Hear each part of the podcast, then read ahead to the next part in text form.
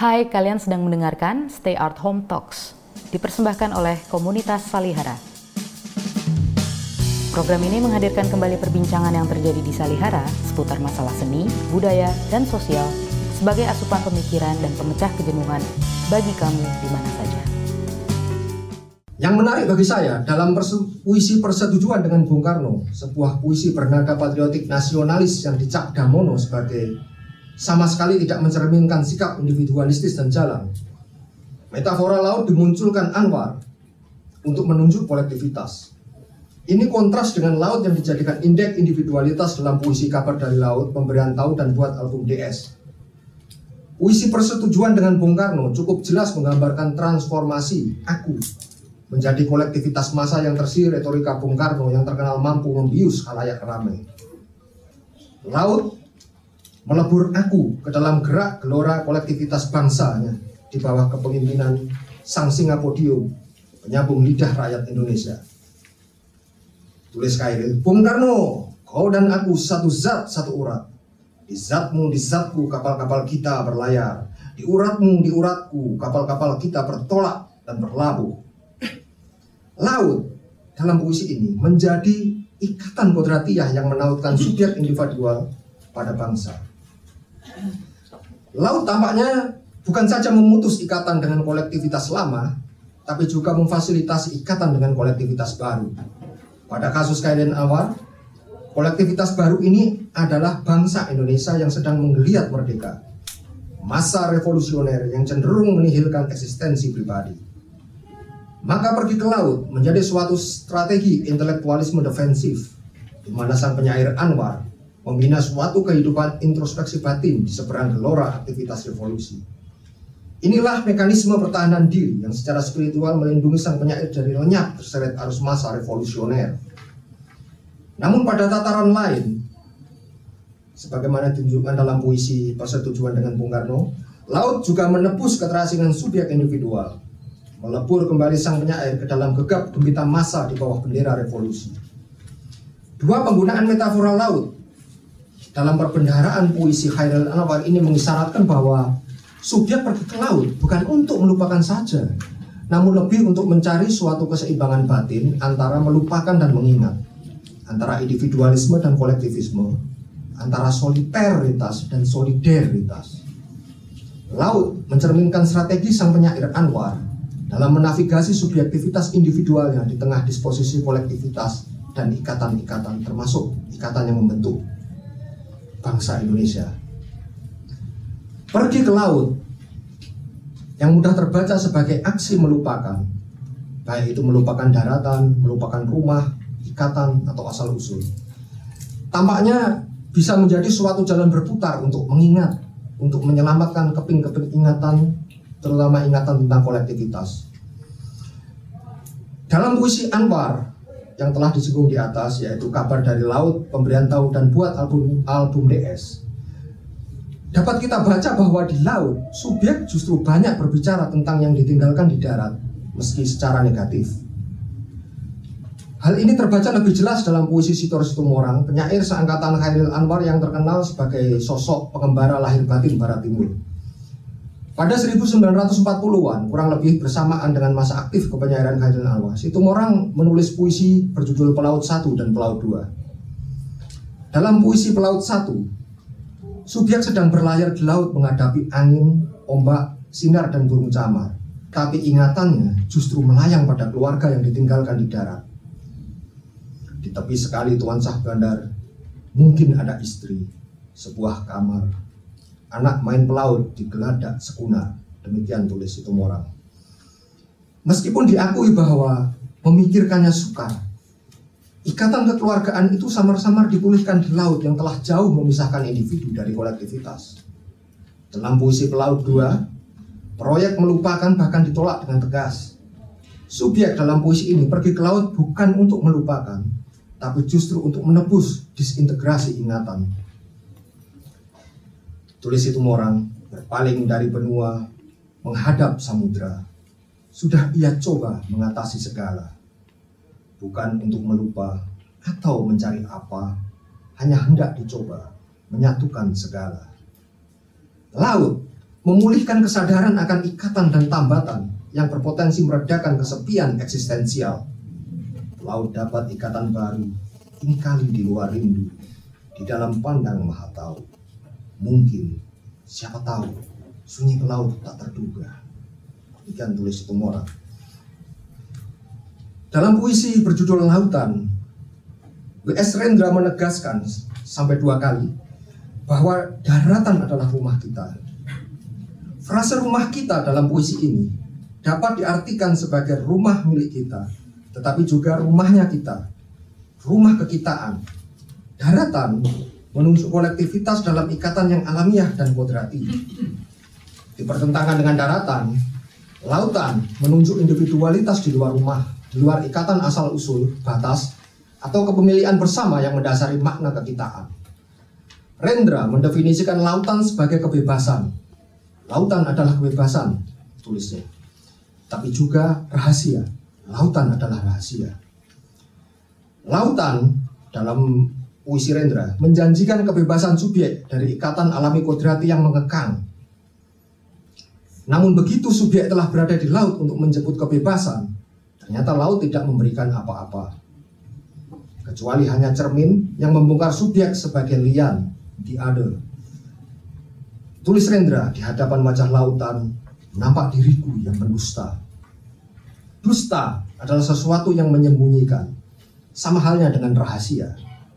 Terbongkar sebagai lian, subjek dalam puisi ini merasa tak ada gunanya berbicara, karena di lautan kebebasan itu ia hanya bisa berbicara dengan bahasa lain, bahasa lian, bahasa rahasia yang mematikan komunikasi dan mengasingkan subjek. Dengan karakter rahasianya, laut tidak bisa mengartikulasikan kebebasan individu pada wilayah di luar daratan kolektivitas. Ikatan yang mengekang, tapi mungkin penuh makna. Rendra terasa memandang laut tanpa keinginan berlayar seperti Ali Sahbana pada dekade 1930-an atau Anwar dan Situmorang pada dekade 1940-an.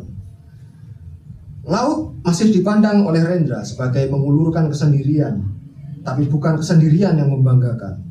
Laut menyodorkan mobilitas tanpa kekang dan pengembaraan, tapi bukan mobilitas tanpa kekang dan pengembaraan yang menggairahkan.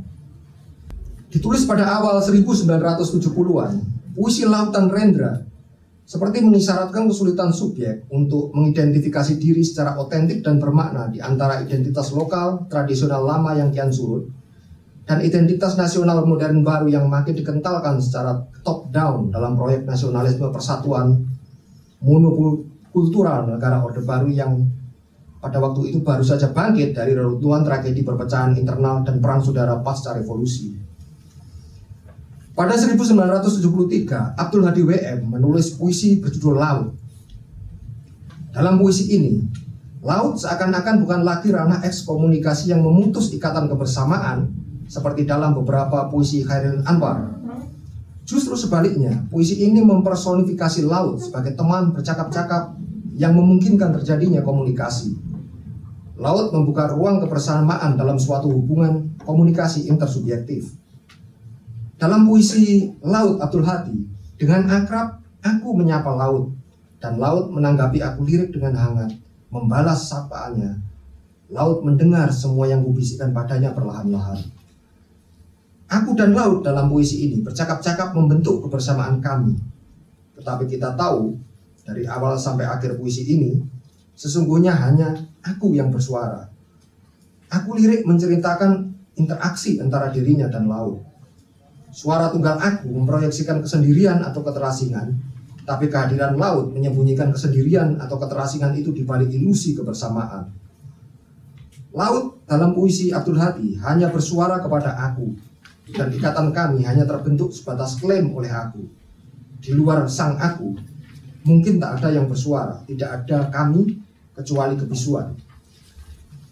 Abdul Hadi menutup puisi laut dengan sebuah simpulan. Begitulah, tak ada yang sebenarnya kami tawakan dan percakapkan, kecuali sebuah sajak lama. Aku cinta pada laut, laut cinta padaku, dan cinta kami seperti kata-kata dan hati yang mengucapkannya. Demikian tulis Abdul Hadi. Dalam hubungannya dengan konstruksi kami, ada dua tafsir yang dapat diberikan pada pernyataan akhir Hadi. Di ujung puisinya tersebut. Pertama, ikatan kami hanya muncul ketika kebersamaan didasari cinta, yang berarti terbukanya ruang ekspresi di mana kata-kata adalah ungkapan dari hati yang mengucapkannya. Integrasi kami atau kita terselenggara bukan dengan menindas identitas elemen-elemen pembentuknya demi proyek persatuan, tapi justru sebaliknya dengan membuka kanal ekspresi identitas identitas parsial atau partikuler. Cinta kami, suatu kesatuan kami yang sejati, tercipta dari aku yang mendengar laut. Yang didefinisikan Hadi dalam puisinya, selalu ku dengar selamat paginya dengan ombak berpuncak-puncak. Dan laut juga mendengar sang aku Laut mendengar semua yang kubisikkan padanya perlahan-lahan. Di tengah keterasingan dan kesendiriannya dalam situasi kami yang ilusif, monolitik dan totaliter, aku lirik dalam puisi Hadi membayangkan konstruksi kami yang inklusif, suatu kekitaan yang toleran dan partisipatif, suatu kami yang tidak membisukan dan mengasingkan. Dibaca seperti ini, puisi Laut Hadi seperti mereaksi proses-proses totalisasi keindonesiaan resmi versi negara Orde Baru yang aktif merepresi kemajemukan identitas kultural di bawah karpet stabilitas nasional atau menjadikannya sekedar dekor-dekor Bhinneka Tunggal Ika yang menghiasi ideologi pembangunan. Puisi ini terasa menyodorkan semacam narasi tanding terhadap narasi kami bangsa Indonesia dalam wacana Orde Baru yang bersifat instruktif, indoktrinatif, dan dioperasionalkan di bawah pengaturan dan pengawasan pemerintah. Tafsir kedua terhadap kesimpulan yang dibuat Hadi di ujung puisi laut. Pernyataan bahwa tak ada yang sebenarnya kami tawakan dan percakapkan kecuali sebuah sajak lama, seperti mengafirmasi keterasingan puisi Indonesia itu sendiri dalam konstruksi kami sebagai subjek nasional. Puisi ini mengonstruksi kami atau kekitaan dari wacana internal tentang puisi sendiri mengisyaratkan suatu keterputusan atau keterpisahan dari wacana kami atau wacana kekitaan di luar puisi. Ditulis dalam bahasa Indonesia yang secara historis dan politis terpilih menjadi alat pemersatu penduduk yang berbeda-beda budaya dan bahasa lokal, tetapi dibayangkan sebagai satu kesatuan bangsa Indonesia. Puisi Indonesia sejak awal merupakan ujung tombak dalam formasi keindonesiaan. Pada satu kakinya, puisi Indonesia seolah menyeret nasionalisme Sementara pada kaki lain, puisi Indonesia diganduli oleh modernisme yang mendorong gerak maju terus-menerus untuk meninggalkan kebudayaan dan masyarakat lama menuju kebudayaan dan masyarakat baru. Ada masanya ketika beban nasionalisme dan modernisme ini seiring sejalan dalam politik pemaknaan yang dijalankan oleh puisi Indonesia. Seruan politik modernis Rustam Effendi pada tahun 26 bahwa seloka lama beta buang beta singkiri. Atau seruan Khairan Awar pada tahun 43 bahwa aku ini binatang jalan dari kumpulannya terbuang. Biar peluru menembus kulitku aku tetap meradang menerjang. Atau seruan Ali Sahbana pada tahun 46 bahwa kami telah meninggalkan engkau tasik yang tenang. Tak pernah merepresentasikan nasionalisme juga akan tetapi Sumpah Pemuda tahun 1928 proklamasi kemerdekaan 1945 yang disusul dengan pemerintahan revolusioner Orde Lama dan naiknya Orde Baru pada paruh kedua 1960-an membentuk rangkaian proses yang mengentalkan kami bangsa Indonesia menjadi suatu institusi dengan negara sebagai wakil satu-satunya yang sah. Proses institusionalisasi keindonesiaan ini mengeras dengan dijadikannya nasionalisme sebagai objek wacana kekuasaan politik, termasuk melalui pelembagaan bahasa Indonesia dan melalui sensor. Paham nasionalisme yang telah dikooptasi negara kian tampak sebagai seloka lama atau tasik yang tenang yang mengandung kejahiliahan atau kejubutan dan oleh sebab itu mungkin tanpa disadari menjadi sesuatu yang mesti disingkiri atau ditinggalkan oleh kesadaran modernisme dalam puisi Indonesia. Dwi tunggal nasionalisme modernisme dalam puisi Indonesia seakan-akan retak. Simptom kertaan ini tampak pada kinerja mainstream puisi Indonesia yang cenderung sangat aktif bahkan mungkin hiperaktif mentransformasi bahasa Indonesia menjadi sebentuk bahasa esoteris yang hidup dalam rumah tangga semiotiknya sendiri. Seakan-akan terpisah dari fungsi komunikatif bahasa Indonesia sebagai bahasa persatuan bangsa Indonesia. Dengan menulis puisi menggunakan bahasa yang secara material sama dengan tapi secara substansial berbeda dari bahasa komunikasi nasional yang dipakai oleh semua orang Indonesia.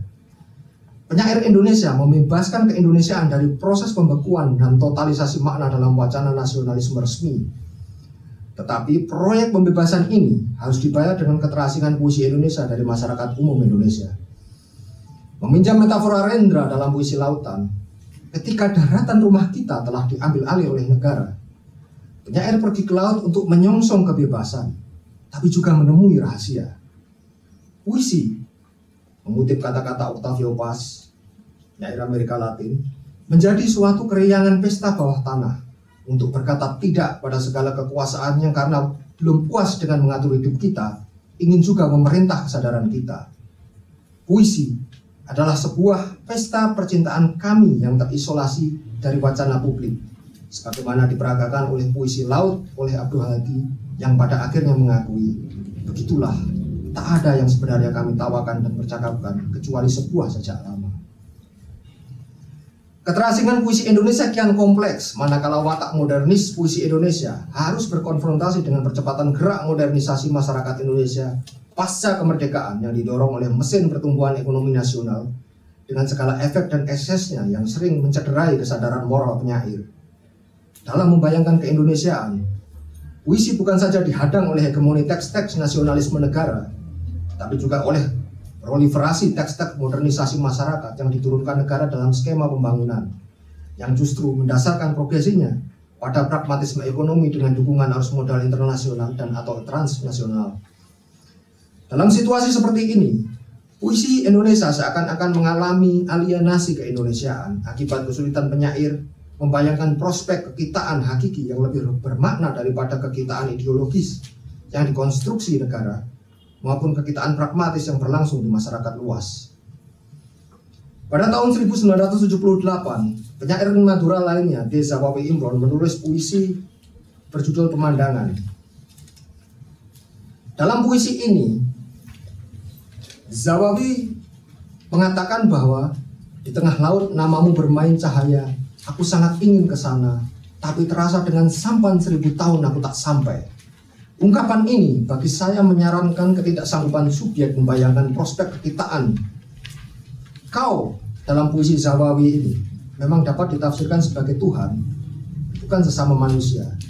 Tapi kalaupun ditafsirkan sebagai Tuhan, nada religius puisi ini justru memperkuat isyarat bahwa ketika laut tidak menjanjikan daratan kekitaan di seberang sana, maka subjek berpaling pada dirinya sendiri, undur ke kedalaman di lubuk batinnya sendiri. Dengan keharuan, mungkinkah cukup satu denyutan? Demikian tulis Sawawi. Laut tidak lagi menjadi perspektif yang terbentang keluar, tapi sebaliknya surut ke dalam Zawawi Imron adalah salah satu penyair Indonesia yang banyak memainkan citraan laut dalam puisi. Dari sekian buku kumpulan puisinya yang cukup produktif, sedikitnya ada tiga yang judulnya berhubungan dengan laut.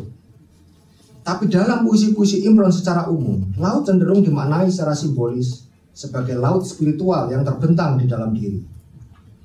Tipikal dalam puisi-puisi Imron adalah ungkapan-ungkapan seperti berikut ini yang terlihat jelas bahwa laut ditafsirkan sebagai suatu laut spiritual, laut yang terbentang di dalam diri.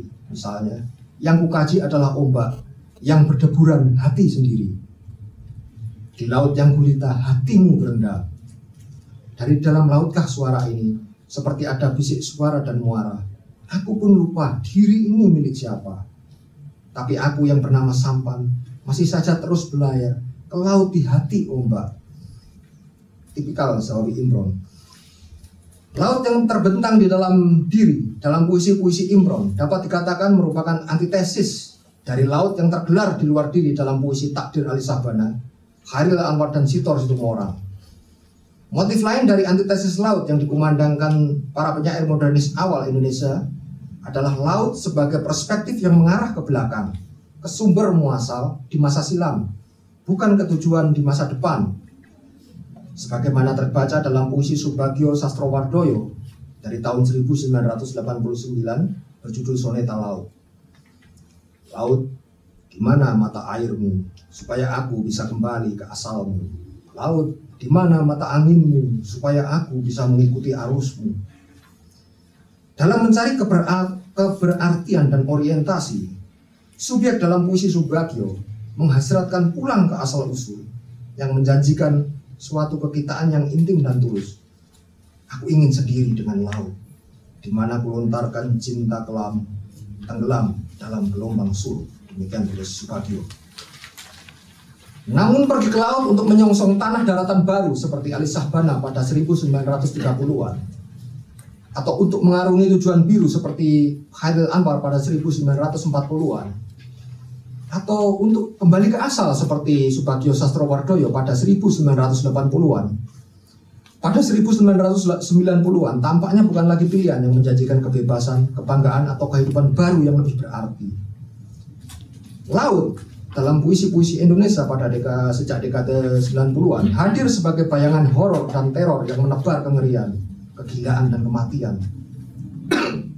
dalam puisi berjudul Laut uh, yang ditulis pada awal dekade 90-an, Adi Wicaksono mengonstruksi kita dari narasi kematian di sekitar panorama laut yang begitu suram, mencekam dan tanpa harapan. Laut adalah pertanda buruk yang mengisyaratkan bahwa kematian ada di mana-mana.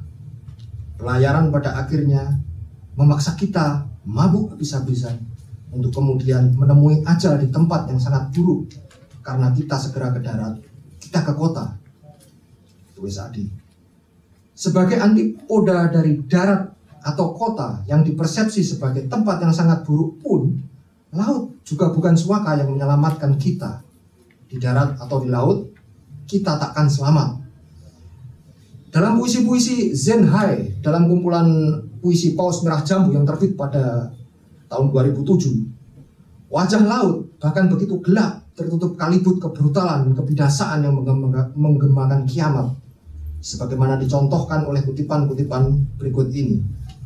Dalam puisi Orang Pantai dari tahun 93, Zenhai menulis, Orang pantai menjemur-jemur diri di pasir, Mimpi menjadi karang, meminta laut jadi ranjang bagi kota mabuk, langit mejan, musim laknat di wajah anak.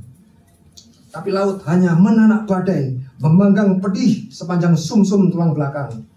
Langkah payah tubuh menahan, tamasya atau ziarah Tuhan, gembira atau sungkawa Puan. Sementara dalam puisi kitab pelarian dari tahun 93 juga, Zenhai menulis, di dasar laut, di perut seekor ikan besar, Aku beriman dalam kegelapan pijar. Menulis selarik ayat, seirama degup perih jantungku, mengukir ketakutanku pada dinding-dinding karang merah tua.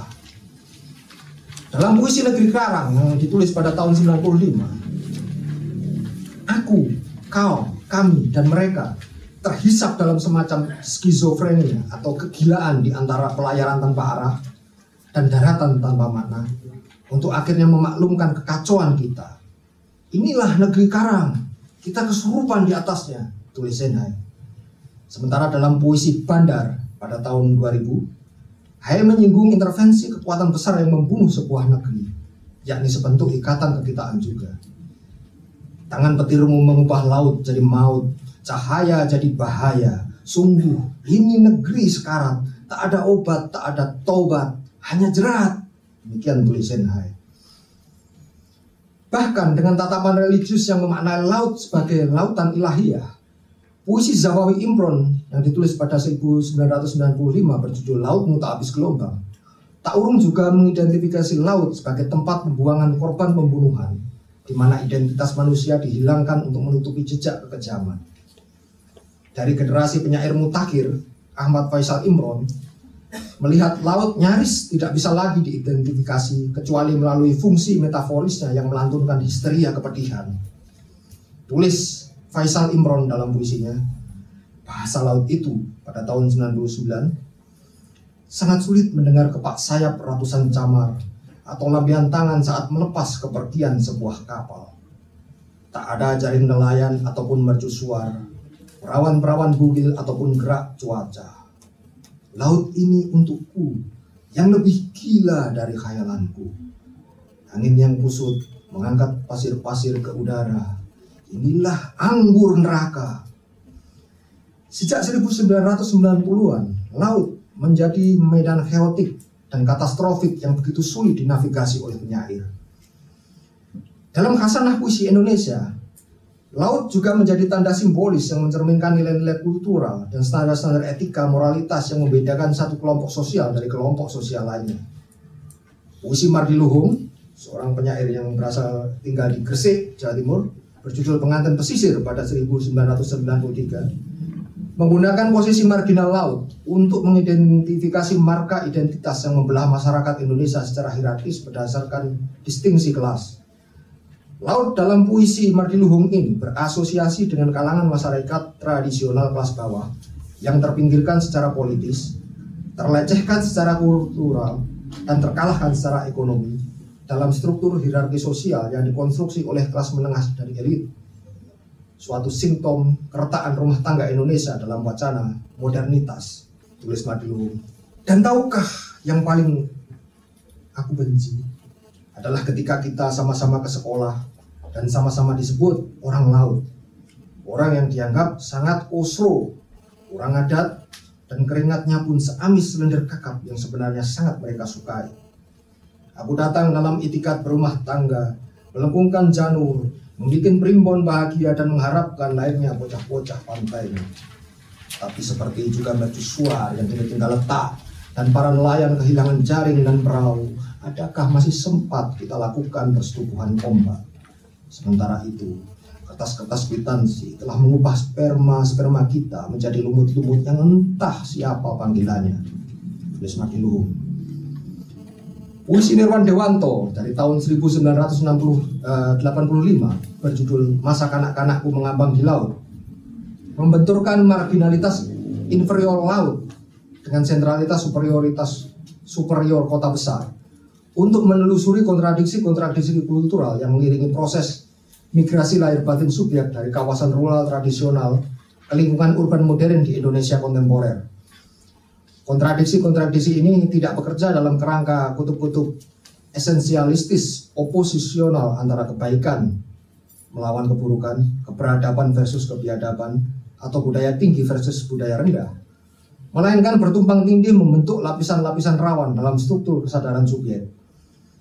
Dalam gerak ke pusat untuk menjadi modern, bayangan-bayangan laut dari masa silam primordial terus menerus menciptakan kontradiksi yang membongkar subjek sebagai lian sebagai suara asing yang tidak dapat mencerna atau dicerna ritme modernitas kota besar.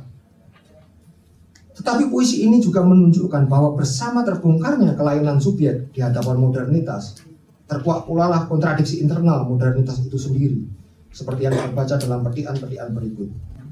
Masa kanak-kanakku mengambang di laut, di balik perahu-perahu ibuku pernah berseru, pergilah dan naikilah tangga-tangga cahaya, tapi di sini tangga-tangga hanya dari baja. Lagi pula darahku teraduk gorden-gorden jendela. Layan-layan tak mengajarkan sopan santun. Padahal aku mesti mengikuti ribuan angsa itu. Marilah jadi penipu yang pandai menari. Jadi ku minum obat agar mulutku tak terkunci. Lalu di balik kobaran api, lupakan namaku. Gusti, buat diriku sekaligus maling dan juru selamat di atas meja kantor berkhianat dan hidup terhormat. Pasanglah layar-layar pada cerobong-cerobong besi dan tumbuhkan batu karang dari onggoan tai. Kini pakaianku menyimpan bau busuk kota besar, catat Dewanto dalam puisi masa kanak-kanakku mengambang di laut. Kita akan menemui ajal di tempat yang sangat buruk. Itu karena kita segera ke darat. Kita ke kota. Tulis Adi Wicaksono dalam puisi laut. Dua puisi ini menjadi bagian dari suara kritis penyair Indonesia terhadap model keindonesiaan pasca kemerdekaan yang cenderung berkiblat pada modernitas urban, terutama berkat peran media massa nasional yang umumnya berbasis di kota-kota besar. Eh, sebagai kesimpulan dan sekaligus disclaimer, saya tadi telah berupaya mencari dan menempuh jalan alternatif untuk membaca keindonesiaan dalam sastra Indonesia. Selama ini pembicaraan tentang keindonesiaan sastra lazimnya berkisar pada satu tema nasionalisme dalam karya sastra, dua muatan historis dari karya sastra yang diilhami oleh atau mengacu pada peristiwa penting dalam perjalanan sejarah bangsa Indonesia, tiga konstruksi identitas nasional, Empat, pencarian akar tradisi. Lima, tegangan pusat pinggiran, termasuk dalam politik sastra juga. Enam, kedudukan sastra daerah dalam sistem kesusastraan nasional. Tujuh, masalah periodisasi sastra. Ketimbang melakukan upaya-upaya yang lazim semacam itu, saya menarasikan suatu refleksi keindonesiaan di bawah sadar puisi Indonesia dalam tanda kutip lewat pembacaan terhadap sepilihan puisi yang mengangkat wacana laut pada kurun 1930-an sampai kurun uh, dekade 2000-an. Saya katakan bahwa sadar karena kebanyakan penyair yang puisinya saya bahas di atas kemungkinan besar tidak berpikir tentang bangsa Indonesia ketika menulis puisi bersangkutan. Pikiran tentang bangsa Indonesia adalah sesuatu yang saya konstruksi sendiri dari pembacaan saya terhadap mimpi-mimpi puitik tentang laut yang ditulis oleh sejumlah penyair Indonesia. Saya membaca puisi mereka sambil membayangkan Indonesia. Dalam hal ini saya membaca puisi dalam pengertian membaca yang dikatakan old man sebagai memasuki sebuah teks yang tadinya sesuatu yang asing bagi kita dan kini kita jadikan milik kita sendiri dengan tindakan memahami. Bagi saya, membaca untuk menjadikan puisi orang lain sebagai milik saya sendiri berarti memproduksi makna baru, bukan mereproduksi atau mengevakuasi makna orisinal yang diandaikan menghuni teks puisi yang dibaca. Pembacaan produktif semacam ini saya pandang tak terelakkan dalam membaca puisi, teks khas yang merayakan ambiguitas makna. Puisi tidak meminta pembaca untuk mencari maknanya, untuk mengurai pesan tersembunyi yang disandikan dalam kata-kata puisi, melainkan menghimbau pembaca untuk memaknainya, menjadikannya bermakna bagi membaca itu sendiri. Penyair bisa menuangkan isi, isi tertentu ke dalam wadah puisi, tapi begitu puisi sampai di tangan membaca, Puisi seakan-akan tinggal wadah yang isinya harus diracik dan dituangkan oleh pembaca sendiri ke dalam puisi dengan bantuan, pengetahuan, pengalaman, dan kepentingan pembaca. Membaca puisi bagi saya tak bisa lain kecuali menulis kembali puisi. Dan saya telah menulis kembali sejumlah puisi dalam kerangka narasi keindonesiaan. Jika keindonesiaan adalah sebentuk tatanan simbolis yang melekat pada bahasa Indonesia, maka puisi berada di pinggir tatanan simbolis ini, di daerah perbatasan antara order dan chaos. Puisi berada di dalam dan sekaligus di luar keindonesiaan yang tercermin pada bahasa. Dengan marginalitasnya, puisi ibaratnya bermain di papan catur keindonesiaan, tapi terus-menerus mengubah aturan permainan catur itu. Marginalitas puisi dalam hubungannya dengan keindonesiaan ini bergayung sambut dengan kehadiran laut dalam puisi. Laut suatu frontier simbolis yang memungkinkan penyair untuk menjajal posisi-posisi kritis di seberang kesadaran tentang rumah kebangsaan dan kebahasaannya. Dalam pembacaan saya, wacana laut dalam puisi merupakan ajang bagi subjektivitas untuk bergerak dari esensi ke posisi, dari mana suatu bayangan Indonesia muncul sama-sama di Cakrawala. Terima kasih.